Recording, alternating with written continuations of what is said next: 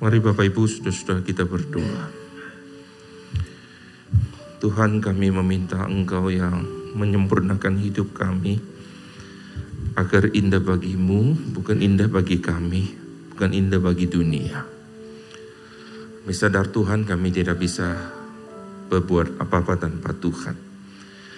Kami bersyukur Tuhan untuk undanganmu pada hari ini kami boleh datang beribadah kami diberi kesempatan untuk boleh menyembah Tuhan, membaca firman Tuhan dan kami akan merenungkannya. Tuhan berbicaralah kepada kami, kuasai hati pikiran kami Tuhan. Jangan biarkan hati kami yang keras dan telinga kami tertutup kepada kebenaran firman Tuhan. Tuhan kami percaya Engkau ada di tengah-tengah kami. Mari Allah Roh Kudus terjemahkan firman Tuhan dalam bahasa yang dapat dimengerti oleh setiap kami. Kami rindu Tuhan Allah Roh Kudus menjama setiap kami. Dengar doa kami dalam namamu, Tuhan kami Yesus Kristus kami berdoa dan bersyukur. Amin. Shalom Bapak Ibu Saudara-saudara. Apa kabar? Kita bersyukur Tuhan memberikan kita kesempatan kembali ke rumah Tuhan untuk boleh belajar firman Tuhan.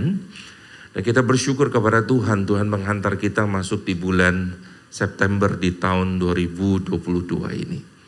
Saudara-saudara, di dalam bulan September ini kita akan belajar bicara tentang hikmat. Itu sebabnya saudara, untuk minggu pertama kita akan bahas satu tema, The Pursuit of Wisdom, mengejar hikmat.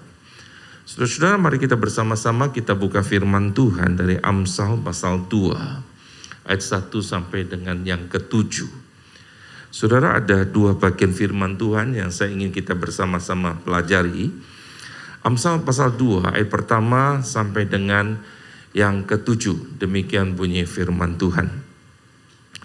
Hai anakku, jikalau engkau menerima perkataanku dan menyimpan perintahku di dalam hatimu, sehingga telingamu memperhatikan hikmat, dan kau mencenderungkan hatimu kepada kepandaian, Ya, jikalau engkau berseru kepada pengertian dan menunjukkan suaramu kepada kepandaian.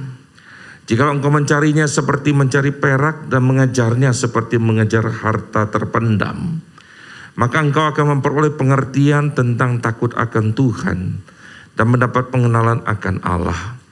Karena Tuhanlah yang memberikan hikmat, dari mulutnya datang pengetahuan dan kepandaian.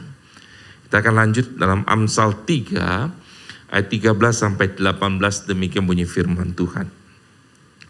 Berbahagialah orang yang mendapat hikmat, orang yang memperoleh kepandaian.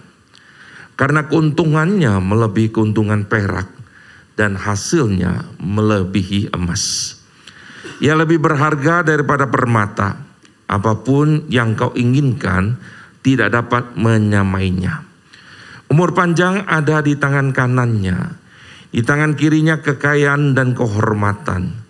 Jalannya adalah jalan penuh bahagia, segala jalannya sejahtera semata-mata. Ia menjadi pohon kehidupan bagi orang yang memegangnya. Siapa yang berpegang padanya akan disebut berbahagia. Sampai demikian jauh pembacaan firman Tuhan. Saudara-saudara tadi saya sudah katakan bahwa tema kita adalah mengejar hikmat. Saudara pertanyaannya adalah apakah perlu kita mengejar atau mencari hikmat itu.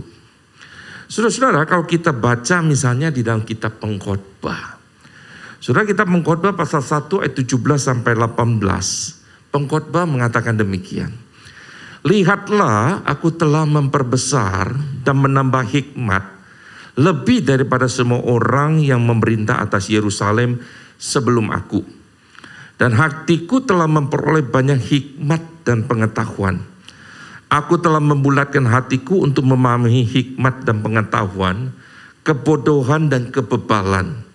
Tetapi aku menyadari bahwa hal ini pun adalah usaha menjaring angin. Karena di dalam banyak hikmat ada banyak susah hati dan siapa memperbanyak pengetahuan, memperbanyak kesedihan. Saudara waktu engkau membaca kitab pengkhotbah ini seakan-akan saudara kontradiksi dengan amsal yang kita baca tadi. Karena di dalam pengkhotbah dikatakan karena di dalam banyaknya hikmat, ada banyak susah hati. Dan siapa memperbanyak pengetahuan, memperbanyak kesedihan. Saudara, orang-orang yang kemudian malas belajar, kemudian pakai ayat ini, ini pengkhotbah bilang tuh. Memperbanyak pengetahuan, memperbanyak kesedihan. Gak perlu banyak pengetahuan, gak perlu banyak belajar. Ngapain banyak hikmat? Karena banyak hikmat, ada banyak susah hati. Pengkhotbah katakan. Sudah apakah betul antara kita pengkhotbah, lalu kita amsal ini ada sebuah kontradiksi? Apa yang dimaksudkan sudah tadi yang kita baca tadi disuruh mengejar hikmat. Tapi dalam kitab pengkhotbah dikatakan di dalam banyak hikmat ada banyak susah hati. Siapa banyak memperbanyak pengetahuan, memperbanyak kesedihan, saudara. Saudara kita harus hati-hati ketika kita membaca sebuah teks. Kita harus mengerti seluruh teks ini dari kitabnya dan seluruh kitab yang ada di dalam Alkitab sehingga kemudian tidak salah mengambil sebuah kesimpulan saudara. Saudara-saudara, tradisi Yahudi itu mempercayai saudara bahwa Salomo lah yang menulis kitab mengkhotbah. Saudara-saudara mereka bilang bahwa Kidung Agung itu ditulis oleh Salomo pada masa mudanya. Itu sebabnya kalau engkau membaca kitab Kidung Agung itu banyak cerita tentang cinta hati yang sedang berbunga-bunga pada awal hidupnya maka Salomo menulis Kidung Agung. Lalu kemudian setelah usianya parobaya katanya dia menulis kitab Amsal saudara. Tapi kemudian setelah pada masa tuanya dia menulis kitab pengkhotbah. Sudah kalau memang kalau ini benar berarti seakan-akan kemudian kita melihat pertama hatinya begitu berbunga-bunga berbicara tentang cinta saudara yang sebenarnya sudah menggambarkan kehidupan dari Salomo lalu kemudian menulis Amsal penuh hikmat Lo seakan-akan kita pengkhotbah di akhir dengan quote and quote kekecewaan saudara. Seakan-akan saudara-saudara bahwa dikatakan ngapain sih belajar banyak? Ngapainnya punya hikmat? Karena toh membuat engkau menjadi susah dan banyak kesedihan. Saudara-saudara, kalau kita meneliti dengan cermat bahwa sesungguhnya bahwa kita pengkhotbah ini kemungkinan besar sebenarnya bukan pada masa Salomo karena saudara-saudara kalau kita mengerti dalam bahasa Ibrani yang dipakai itu adalah bahasa Ibrani yang sudah beberapa abad setelah Raja Salomo saudara. Karena di dalamnya itu mengandung saudara bahasa Ibrani yang berkaitan pada waktu itu saudara-saudara dengan bahasa Persia pada waktu itu tentunya saudara dan bahasa Aram. Itu berarti kurang lebih pada masa setelah pembuangan itu bukan masa-masa di awal saudara. Kalau kita memperhatikan dari bahasa Ibrani-nya. Tetapi kita tidak tahu siapa penulis kitab pengkhotbah. Hanya kita pengkhotbah menamakan dirinya saudara-saudara. Kalau engkau lihat biasa ini katakan dia adalah Kohelet saudara. Kohelet ini bisa diterjemahkan artinya pemimpin dia pembicara, dia pengkhotbah, dia seorang guru, saudara, yang mengajar, saudara. Tetapi ternyata, saudara, penulis kitab pengkhotbah mengidentikan dirinya itu sebagai seorang raja Israel, saudara, yang pernah memerintah di Yerusalem. Itu sebabnya orang mengidentikan kemungkinan besar Salomo. Tapi sebenarnya dia sedang menceritakan bahwa kalau dia menjadi raja di Yerusalem yang punya segala-galanya, tapi kemudian dia berkata begini, ternyata di dalam hidup ini, dia bilang ada orang punya karunia untuk mendapatkan apa yang diinginkan hatinya. Tapi orang itu tidak diberikan karunia untuk menikmatinya. Maka dia bilang itu pun adalah sia-sia saudara. Saudara ada orang memang kita dalam dunia ini kita lihat orang ini mendapatkan apa yang dia inginkannya saudara. Dia bisa dapatkan kekayaan. Tapi dia tidak punya kesempatan untuk menikmatinya saudara. Maka kemudian saudara kita melihat seakan-akan saudara kita pengkhotbah ini berbicara hidup ini penuh dengan kesia-siaan. Hidup ini seperti usaha untuk menjaring angin saudara.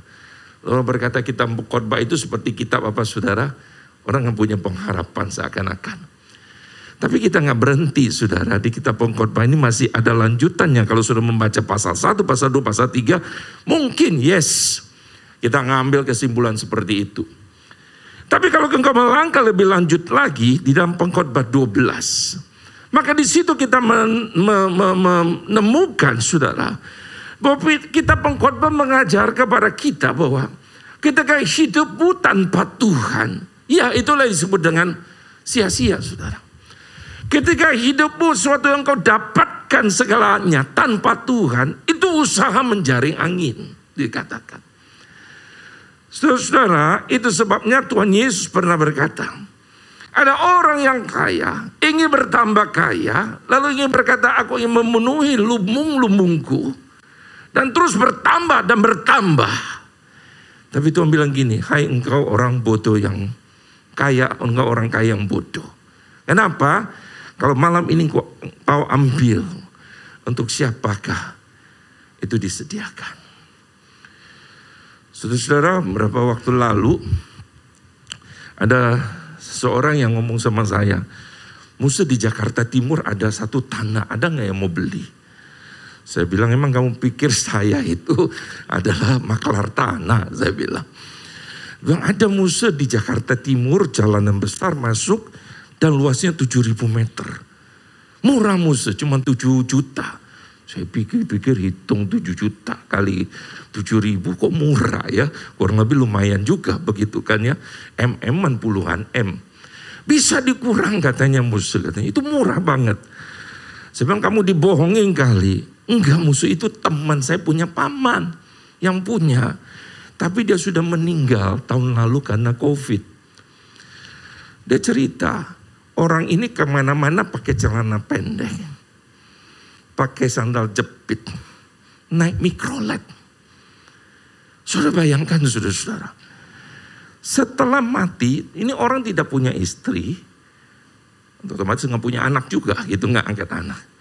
Jadi otomatis hartanya ya pasti jatuh pada saudara-saudaranya, pasti ya secara hukum. Nah sudah itu sebabnya saudara-saudara mau cepat jual. Ternyata setelah dia meninggal dibongkar dan berangkasnya. Ada rumah, ada tanah di Kelapa Gading. Ada di Jakarta Timur saudara. Dan mereka bingung sudah banyak sekali hartanya. Pada hidupnya saudara. Dia ketahuan saudara. Dia adalah orang-orang yang sebenarnya. Dia punya tanah, dia punya rumah, dia punya harta yang luar biasa. Nah saudara-saudara ada orang bisa punya itu semua. Tapi kalau nggak ada Tuhan, saudara, maka itu sia-sia. Itu sebabnya pengkhotbah pasal 12 berkata begini, diakhiri takutlah akan Allah dan berpeganglah pada perintah-perintahnya karena ini adalah kewajiban setiap orang. Jadi saudara-saudara, bukan berarti hikmat itu tidak perlu, saudara. Tapi saudara harusnya betul-betul dimulai dengan takut akan Allah saudara. So, jika benar kitab ini ditulis setelah pembuangan. Maka jelas sekali ini adalah sebuah peringatan, sebuah pengajaran kepada bangsa Israel agar mereka kembali merefokusin hidup mereka pada Tuhan. Kembali mencari Tuhan bukan lagi hidup yang sebelumnya. Itu sebabnya mereka dibuang saudara. Dan di dalam setelah dibuang mereka kembali merenungkan. Kita pengkorban ditulis untuk mengingatkan mereka. Saudara-saudara maka kita melihat perlu saudara-saudara mengejar hikmat. Bukan tidak. Sudah bukan berarti kita pengkhotbah itu bertentangan dengan kitab Amsal saudara. Tapi pertanyaan next berikutnya adalah pentingnya sudah mencari hikmat? Saudara-saudara yang terkasih dalam Tuhan kita Yesus Kristus, kalau kita melihat Tuhan Yesus itu dikatakan yang pertama, itu bertumbuh penuh dengan hikmat dan mengajar orang penuh dengan hikmat, saudara. Saudara dalam Lukas pasal 2 ayat 52 dikatakan dan Yesus makin bertambah besar dan bertambah hikmatnya dan besarnya dan makin dikasih oleh Allah dan manusia. So Yesus mengalami pertumbuhan. Karena Yesus itu ya 100% manusia 100% Allah tapi pada waktu ini inkarnasi sebagai manusia 100% saudara. bahwa Yesus bertambah besar, dia bertumbuh, tapi hikmatnya bertambah, saudara. Saudara, sering kali dalam kehidupan kita itu berbeda, saudara. Semakin kita bertambah, semakin usia kita bertambah, semakin kita tua, harusnya hikmat bertambah, bukan? Tapi sebaliknya orang berkata, kok ya semakin tua semakin gak berhikmat. Saudara ini yang terjadi bukan di dalam kehidupan kita, saudara. Harusnya semakin kita bertambah usia kita, semakin kita berhikmat. Semakin kita harus menjaga kata-kata kita, semakin kita berpikir dengan bijaksana. So itu sebabnya dalam Markus pasal 6 ayat 2 dikatakan pada hari sabat ia mulai yaitu Tuhan Yesus mengajar di rumah ibadah. Dan jemaat yang besar takjub saudara mendengarkan dia. Dan mereka berkata dari mana diperoleh semua itu. Hikmat apa pulakah yang diberikan kepadanya. Saudara waktu Yesus mengajar, Yesus bukan sekedar transfer knowledge pengetahuan. Tapi Yesus mengajar ketika engkau membaca pun dalam Injil Matius pasal yang ketujuh dalam khotbah di bukit itu 567. Di akhir khotbah di bukit dikatakan banyak orang takjub juga mendengar pengajaran Yesus. Nah Yesus mengajar sebagai orang yang berkuasa tidak seperti ahli Taurat dan orang-orang Farisi. Saudara ahli Taurat, orang Farisi bisa mengajar dengan baik. Tapi kenapa disebut tidak berkuasa? Karena tidak memiliki hikmat. Yang penting sekali. So itu sebabnya maka Rasul Yakobus dalam suratnya Yakobus pasal pertama ayat yang kelima berkata begini. Tetapi apabila di antara kamu ada yang kekurangan hikmat, perhatikan. Hendaklah ia memintanya kepada Allah. Yang memberikan kepada semua orang dengan murah hati. Dan dengan tidak membangkit-bangkit. Maka hal itu akan diberikan kepadanya. Surya Yakobus sedang berbicara kepada orang-orang percaya. Yang tersebar di Asia kecil saudara. Yakobus sudah berkata begini, jangan terjadi di antara kamu yang kemudian hal-hal yang kecil yang tidak perlu diributkan, lalu engkau peributkan. Engkau harusnya menjadi orang yang sudah diselamatkan oleh Tuhan. Yang harusnya memikirkan sesuatu jauh lebih penting dari sekedar hanya bicara siapa mau menang, bicara tentang kedudukan, mempeributkan sesuatu yang sementara dalam dunia ini. Itu sebabnya kalau kamu kurang hikmat, sekali lagi, mintalah kepada Tuhan. Karena dia akan memberikan hikmat itu kepadamu dengan apa? Murah hati. Tanpa membangkit-bangkit.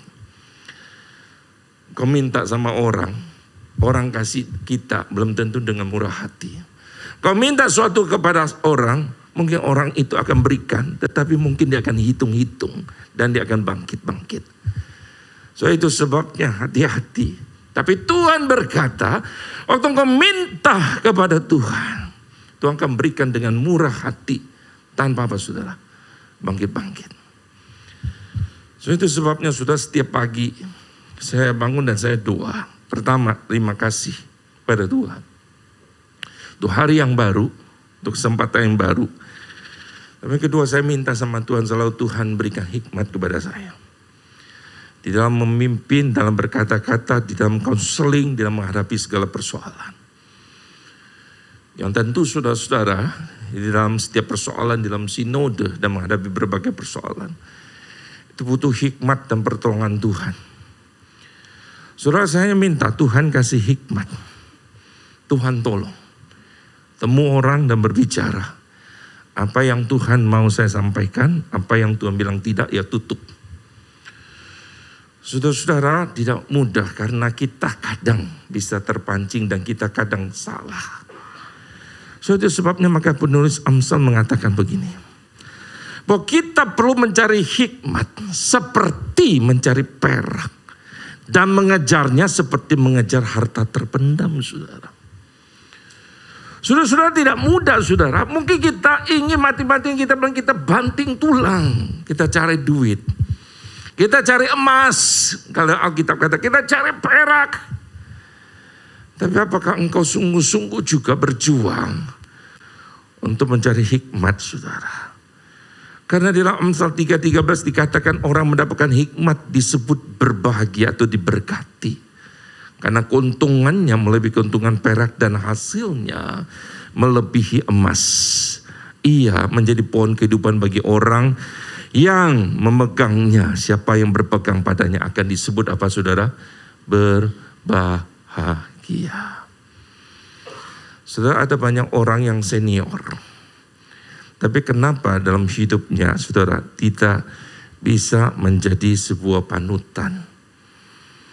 Karena saudara-saudara tentu influence itu saudara terjadi ketika muncul rasa respect.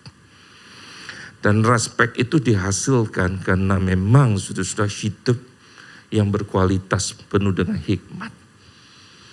Saudara-saudara saya ingat dulu kakek saya sering berkata, jangan rambut kita saja yang putih perak. Tapi kemudian hati kita itu tidak ditempah dan menjadi orang yang bijaksana. Saudara-saudara ada dua macam hikmat saudara.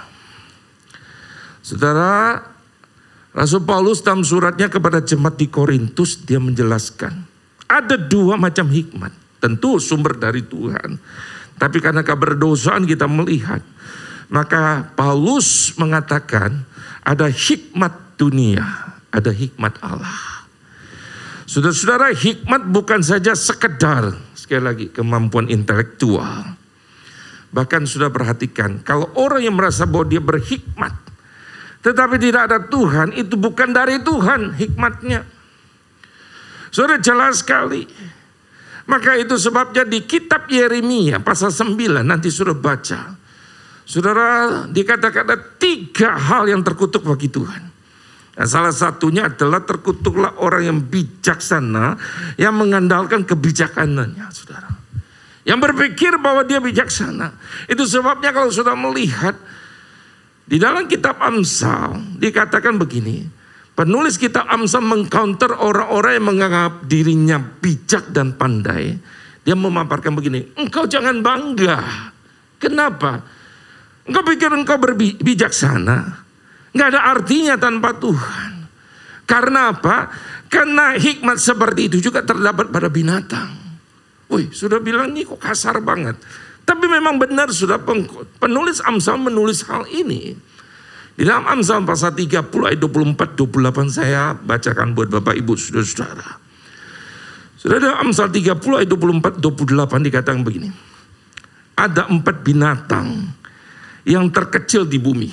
Perhatikan. Tetapi yang sangat cekatan. Satu, semut. Bangsa yang tidak kuat tetapi menyediakan makanan di musim panas. Yang kedua, pelanduk bangsa yang lemah, tetapi yang membuat rumahnya di bukit batu. Yang ketiga, belalang yang tidak mempunyai raja, namun semuanya berbaris dengan teratur. Dan yang keempat, cicak yang dapat kau tangkap dengan tangan, tapi juga ada di istana-istana raja. Semut dia tahu, dia cekatan. Dia memang tidak kuat, bangsa yang tidak kuat, Amsal berkata. Tapi dia tahu menyediakan makanan di musim panas. Dia bisa punya hikmat seperti itu, pelanduk. Dikata bangsa lemah, tapi bisa membuat rumahnya di bukit batu. Belalang yang tidak punya raja, tapi bisa berbaris dengan teratur dan cicak yang kau bisa tangkap dengan tangan. Tapi dia toh ada di istana, istana raja. Saudara, penulis Amsal menulis ini ingin mengajarkan kepada anaknya kalau saudara membaca karena dia memposisikan sebagai ayah. Bagaimana menjalani hidup ini yang tidak mudah. Yang membutuhkan hikmat Tuhan, yang bersandar pada Tuhan yang jangan berpikir bahwa dengan kepintarannya, kecerdasannya bisa mengurus hidupnya dan bisa berhasil. Mungkin berhasil secara ukuran manusia. Tapi akhirnya pengkhotbah katakan itulah sia-sia. Saudara kita Amsa menjelaskan bahwa namanya hikmat. Oke, itu tentu berkaitan dengan pengetahuan. Itu ada sebuah kemampuan akal budi yang diberikan Allah. Untuk apa? Untuk menavigasi kehidupannya dengan benar dalam bahasa Ibrani itu sedek. Kalau sudah baca di kitab Amsal. Menavigasi hidupnya dengan benar, dengan adil, dengan jujur saudara. Ada sedek, ada mispat, ada mesarim saudara. Ada benar, adil, jujur saudara. Saudara, ternyata yang namanya hikmat bukan hanya dengan perkataan yang baik, tetapi di dalamnya motivasi yang benar. Ada keadilan, ada kejujuran saudara.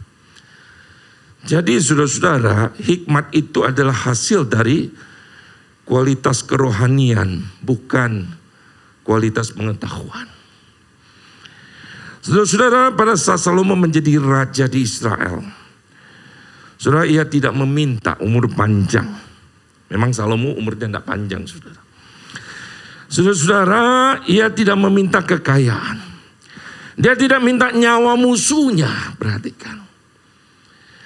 Tetapi kemudian dia minta hikmat dari Tuhan. Dia minta pengertian untuk menangani setiap persoalan yang terjadi di negaranya. Dan saudara-saudara ini terbukti Tuhan berikan kepada dia. Pada saat ada dua orang wanita yang datang kepadanya meminta keadilan. Karena masing-masing mengaku sebagai ibu yang asli dari anak yang dibawa. Mereka memperebutkan seorang anak. Saudara dia datang kepada Salomo dan berkata, saya lagi tidur, dia yang ambil. Yang satu itu berkata, dia yang ambil.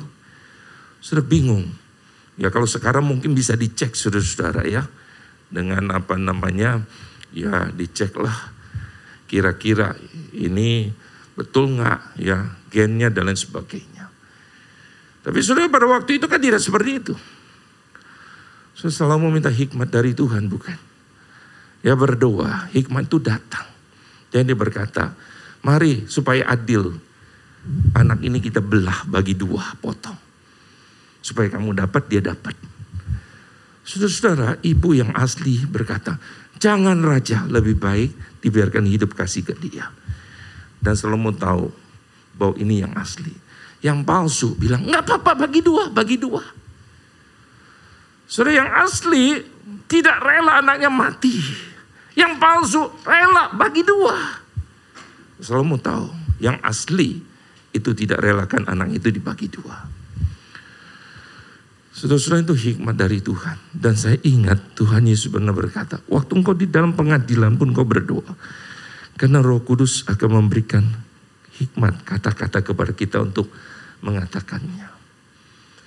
Saudara itu sebabnya saudara terus minta hikmat Tuhan dalam berbagai keputusan yang ada. Itu yang terjadi. Dan Tuhan bisa pakai berbagai cara yang ada. Saya tidak tahu saudara-saudara, Dr. Hendra masih ingat atau tidak. Tapi kira-kira 6-7 tahun lalu dia pernah cerita sama saya di tempat prakteknya. Bukankah ada seorang yang datang, ibu-ibu, yang berkata, dok saya pakai krim dokter menjadi hitam dan sebagainya. Dan tentu orang ini berkuasa. Dokter itu berkata, saya bingung, saya berdoa sama Tuhan. Tiba-tiba anaknya berkata, Ma, ini kan krim yang dibeli di Timur Tengah bukan nama dokter Wong. Saudara bagaimana bisa terjadi seperti itu? Saudara bukankah di situ ada Tuhan yang hadir saudara? Bukankah ada Tuhan dalam hidup kita? Minta saudara hikmat daripada Tuhan. Saudara ya Rasul Yakobus saudara lebih jelas lagi menekankan perbedaan sudah hikmat Tuhan dan hikmat dunia. Sesudah hikmat dunia, tentu saya tidak akan bahas ini panjang lebar karena minggu depan akan dibahas hikmat Allah dan hikmat dunia. Tapi sudah-sudah dalam Yakobus berkata begini, Yakobus pasal 1 ayat 15. Hikmat dunia itu datang dari dunia. Datangnya dari hawa nafsu manusia. Datang dari setan-setan. Jelas. Itu hikmat dari dunia. Tapi hikmat dari Tuhan dikatakan begini. Tetapi hikmat dari Tuhan itu datang dari atas. Pertama-tama itu pasti murni. Selanjutnya peramah, penurut, penuh belas kasihan, buah-buah yang baik, tidak memihak dan tidak munafik. Yakobus 3 ayat 17. Kalau itu hikmat dari Allah, pasti murni. Kalau hikmat dari Allah, pasti membawa kedamaian. Kalau hikmat dari Allah, pasti peramah. Kalau hikmat dari Allah, pasti penuh dengan belas kasihan. Penuh dengan buah-buah yang baik. Pasti tidak memihak. Pasti tidak munafik, saudara. Kalau itu hikmat yang dari Allah. Hikmat dari dunia itu berisi nafsu manusia. Ada motivasi yang tersembunyi saudara. Ada yang tidak benar. Meskipun bisa dibahasakan dengan benar saudara. Saudara hati-hati. Hikmat Allah itu murni.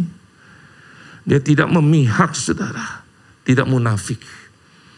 Kualitas itu akan teruji ketika kita dihadapkan pada masalah yang ada di depan kita, saudara. Saudara-saudara, bagaimana mendapatkan hikmat itu? Saudara, pengkot pedang kita Amsal berkata begini, hikmat itu didapat dari takut akan Tuhan, jelas. Saudara, ini adalah satu uh, artikel saya baca itu tentang money pit, saudara yaitu lubang uang, saudara-saudara. Ini yang ada di Pulau Wax di Kanada, saudara. Saudara bisa searching di internet. Saudara-saudara, ini ditemukan pada tahun 1795, saudara. Jadi sudah berapa ratus abad yang lalu oleh seorang remaja yang namanya Daniel McGuinness. Saudara-saudara, remaja ini melihat ada cahaya misterius di pulau Wax ini di Kanada.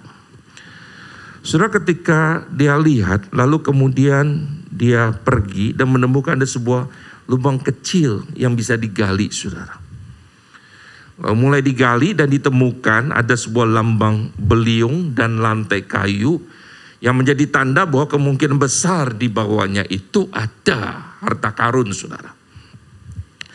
Lalu kemudian orang-orang mulai menggalinya, saudara sampai gali kedalaman 27,4 meter. Berarti sudah lebih tinggi dari bangunan ini. Sudah ada dua, sebuah batu yang ditemukan dan di situ katanya ada kode misterius. Lalu kemudian sudah mereka terus menggalinya. Lalu kemudian air itu mulai keluar saudara, memenuhi tempat itu. Dan mereka berusaha untuk menyedotnya saudara. Lalu sejumlah perusahaan-perusahaan besar ikutan menggali saudara harta karun itu.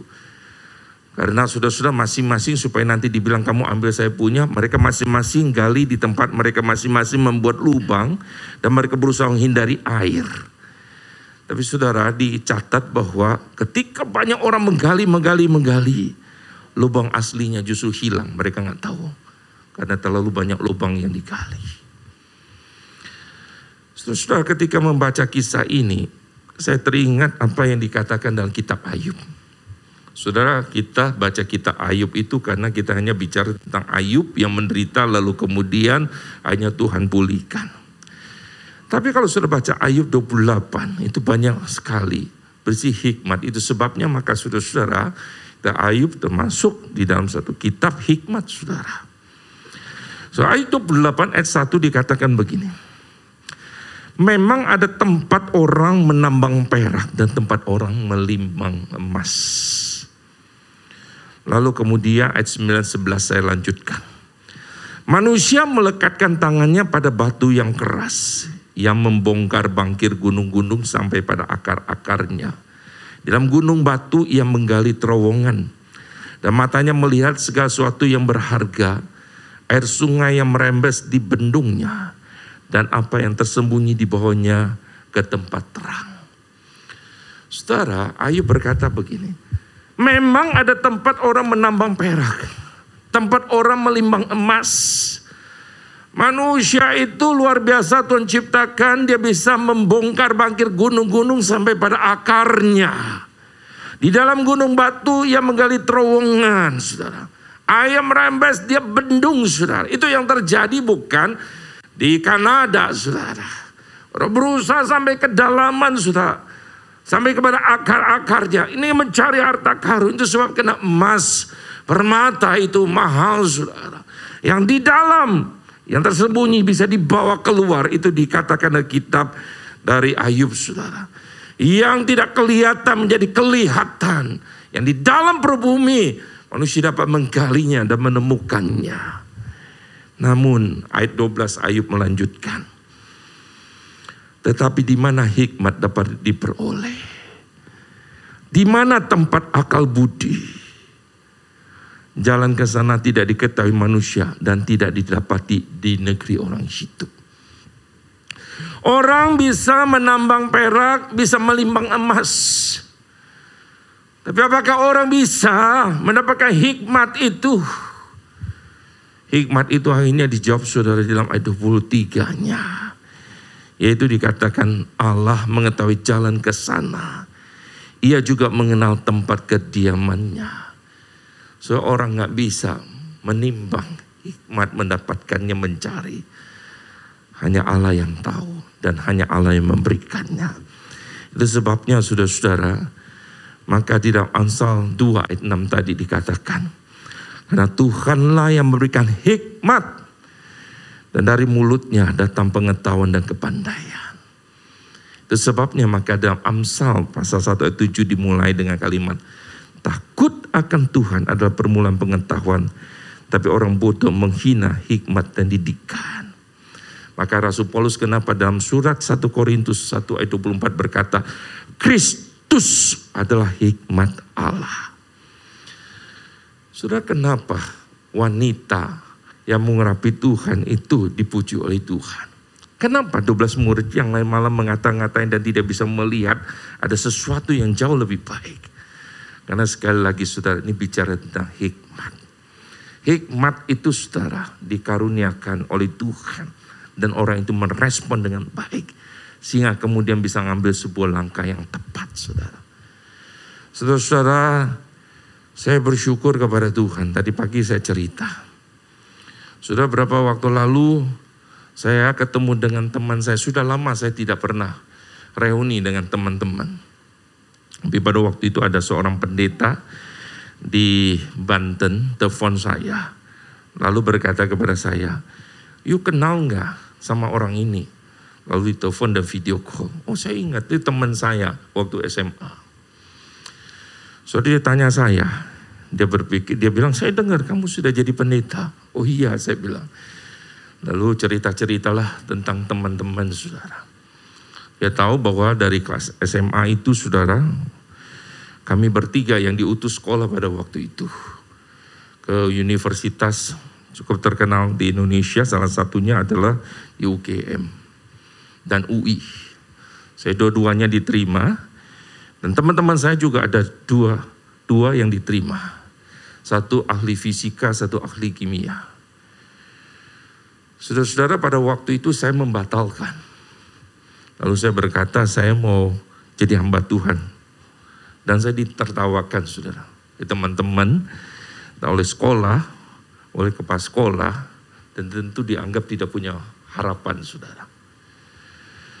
Saudara-saudara, Tuhan yang tahu. Tuhan yang memanggil kita dan Tuhan beri hikmat. Saudara, lalu teman saya bilang begini, yuk kenal nggak namanya Budi, bukan Budi itu ya. Yang jago fisika. Oh iya, sekarang kerja di perusahaan mana? Sempat di perusahaan besar lalu kemudian sudah meninggal. Saya kaget. Dan yang kedua, Chinese, teman saya juga. Nah, ahli kimia setelah lulus sekarang dia bilang menjadi gila. Waduh, saya kaget saudara. Saudara saya berkata Tuhan, terima kasih. Kenapa saudara-saudara?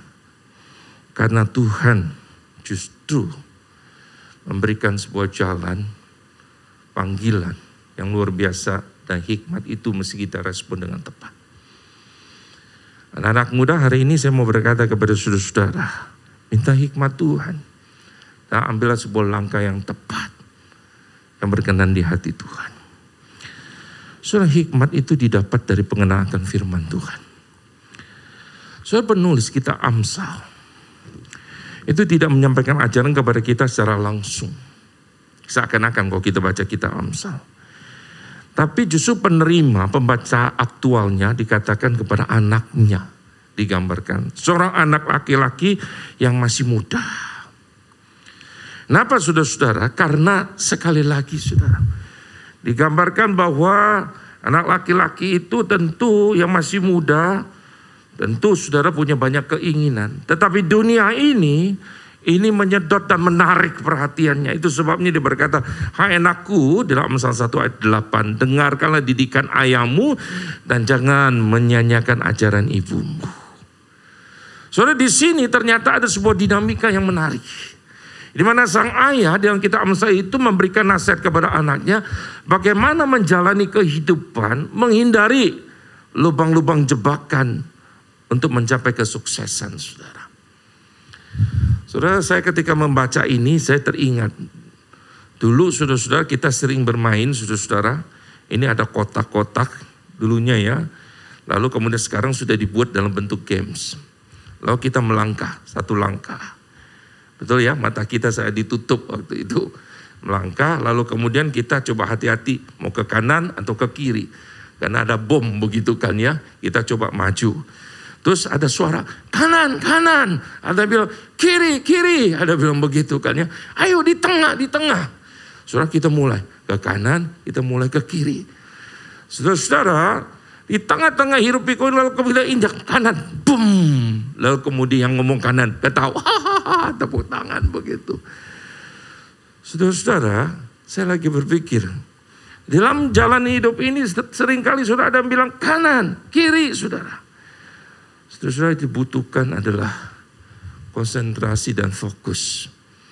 Untuk betul-betul dengarkan Tuhan, ini mau ke mana? Satu langkah, maju, masih ada yang lain kita harus maju lagi. Setelah kita lewati masih ada lagi. Masih terus kita jalan di depan. Dan saudara itu sebabnya butuh yang namanya firman Tuhan. So itu sebabnya saudara-saudara di dalam Amsal 2 ayat 1 dikatakan begini. Hai anakku, jika engkau menerima perkataanku dan menyimpan perintahku di dalam hatimu jadi dia mengatakan begini, engkau perlu hati-hati, harus menerima perkataanku, menyimpan perintahku di dalam hatimu. So itu sebabnya maka Mazmur 119 ayat 98 sampai 100 berkata begini. Perintahmu membuat aku lebih bijaksana daripada musuh-musuhku. Sebab selama-lamanya itu ada padaku. Aku lebih berakal budi daripada semua pengajarku. Sebab perintah-perintahmu ku renungkan. Aku lebih mengerti daripada orang-orang tua. Sebab aku memegang titah-titahmu. Saudara hari ini mari kita bersama-sama saudara. Bagaimana kita memperoleh hikmat itu. Saudara hati takut akan Tuhan, bersandar pada Tuhan. Yang kedua, dengan mengenal firman Tuhan. Bukan sekedar mempelajari, tapi engkau berdialog dengan kebenaran firman Tuhan. Maka ketika engkau betul-betul mentaatinya, dikatakan engkau akan dibuat lebih bijaksana dari musuh-musuhku. Dan bahkan lebih bijaksana daripada orang-orang tua. So minta Tuhan karuniakan itu kepada kita. Karena itu tidak mudah saudara. Tapi kita tahu bahwa Tuhan tidak pernah meninggalkan kita. Hari ini kita akan masuk di dalam perjamuan kudus. Sudah kita mengingat kembali Tuhan yang selalu beserta dengan kita dan tidak pernah meninggalkan kita. So mari kita ambil waktu itu di hadapan Tuhan.